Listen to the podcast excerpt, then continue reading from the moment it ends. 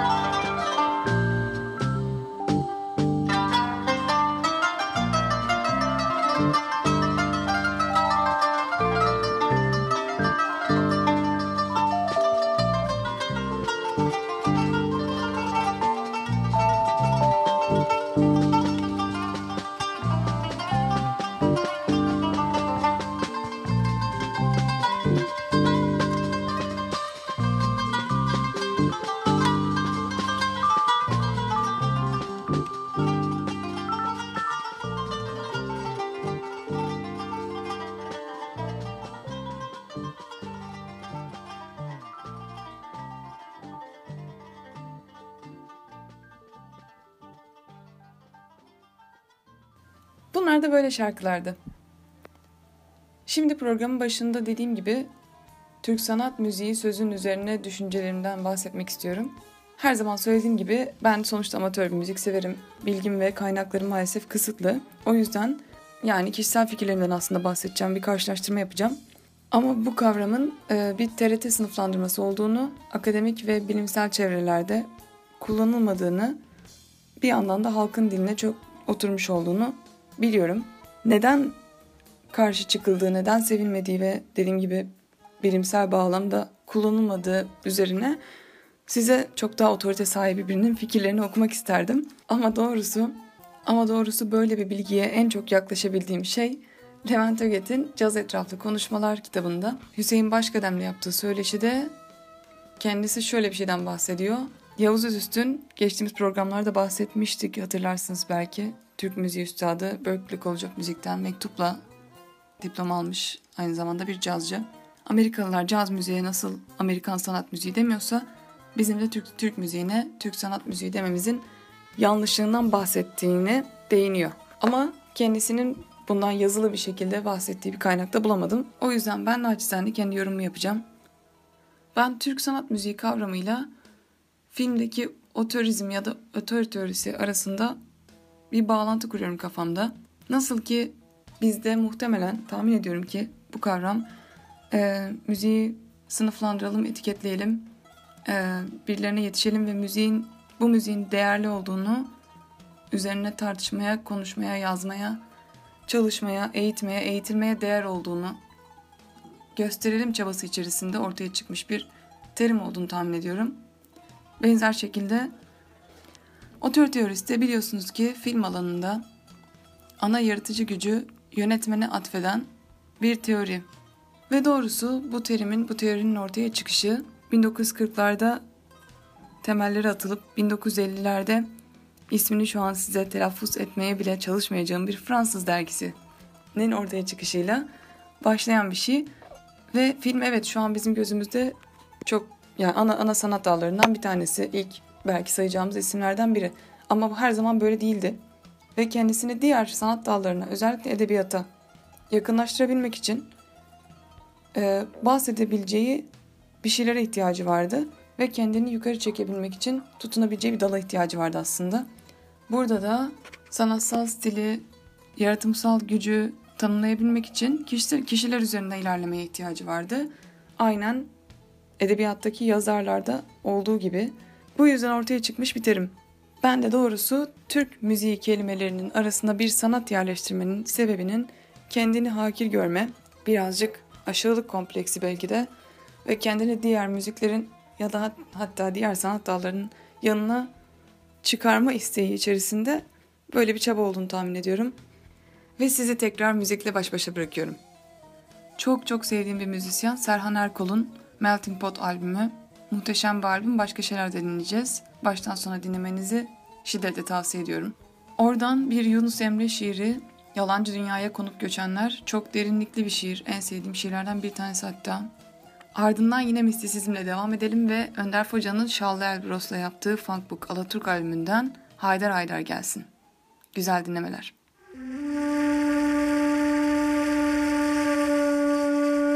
Konup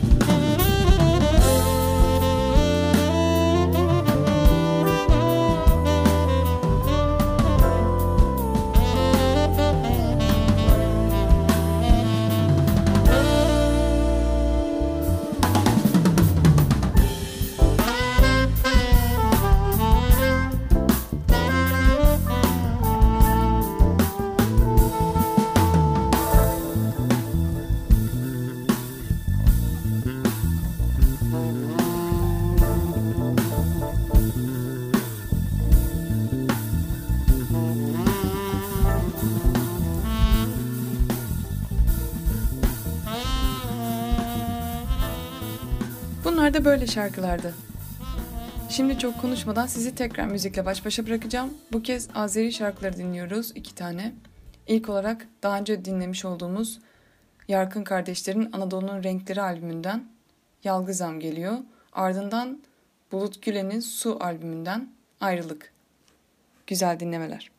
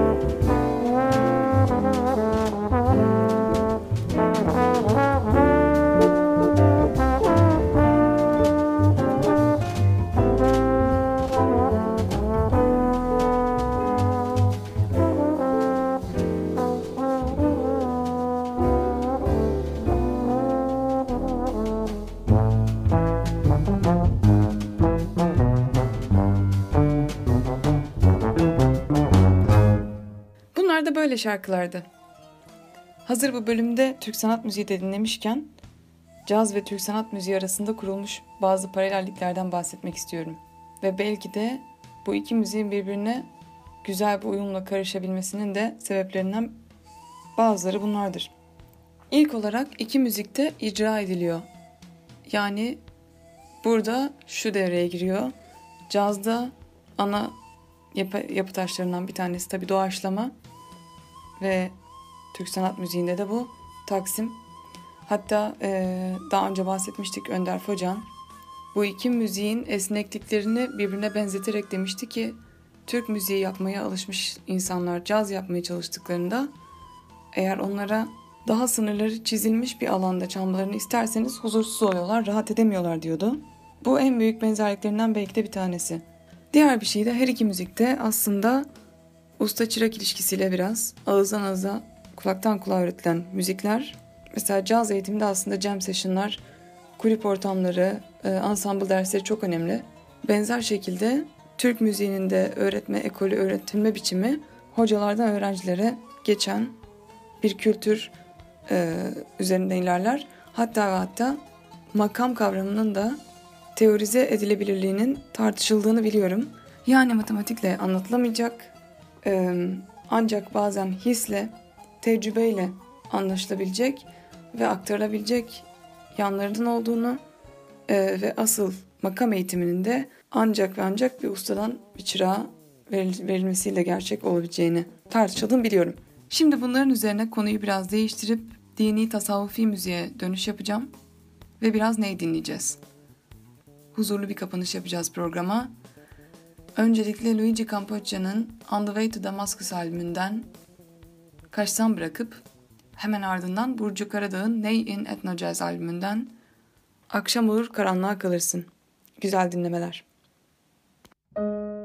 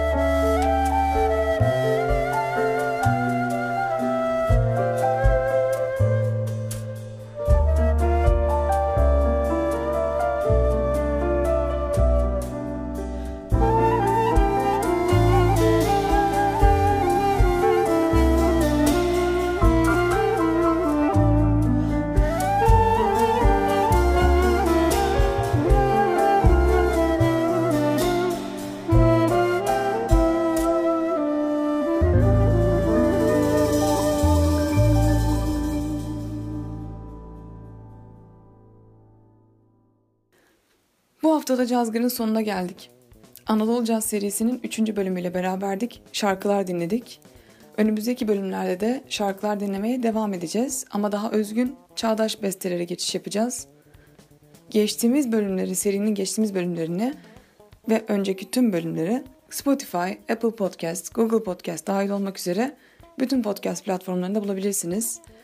Bana Radyo Cazgır Instagram hesabından veya cazgırradyo.gmail.com hesabından ulaşabilirsiniz. Lütfen ulaşın. Çok mutlu oluyorum siz ulaştıkça. ve ve son olarak beni dinlediğiniz için çok teşekkür ederim. Ben Ceren Kocaoğullar. Sizi seviyorum, sevmediklerim hariç. İyi hafta sonları.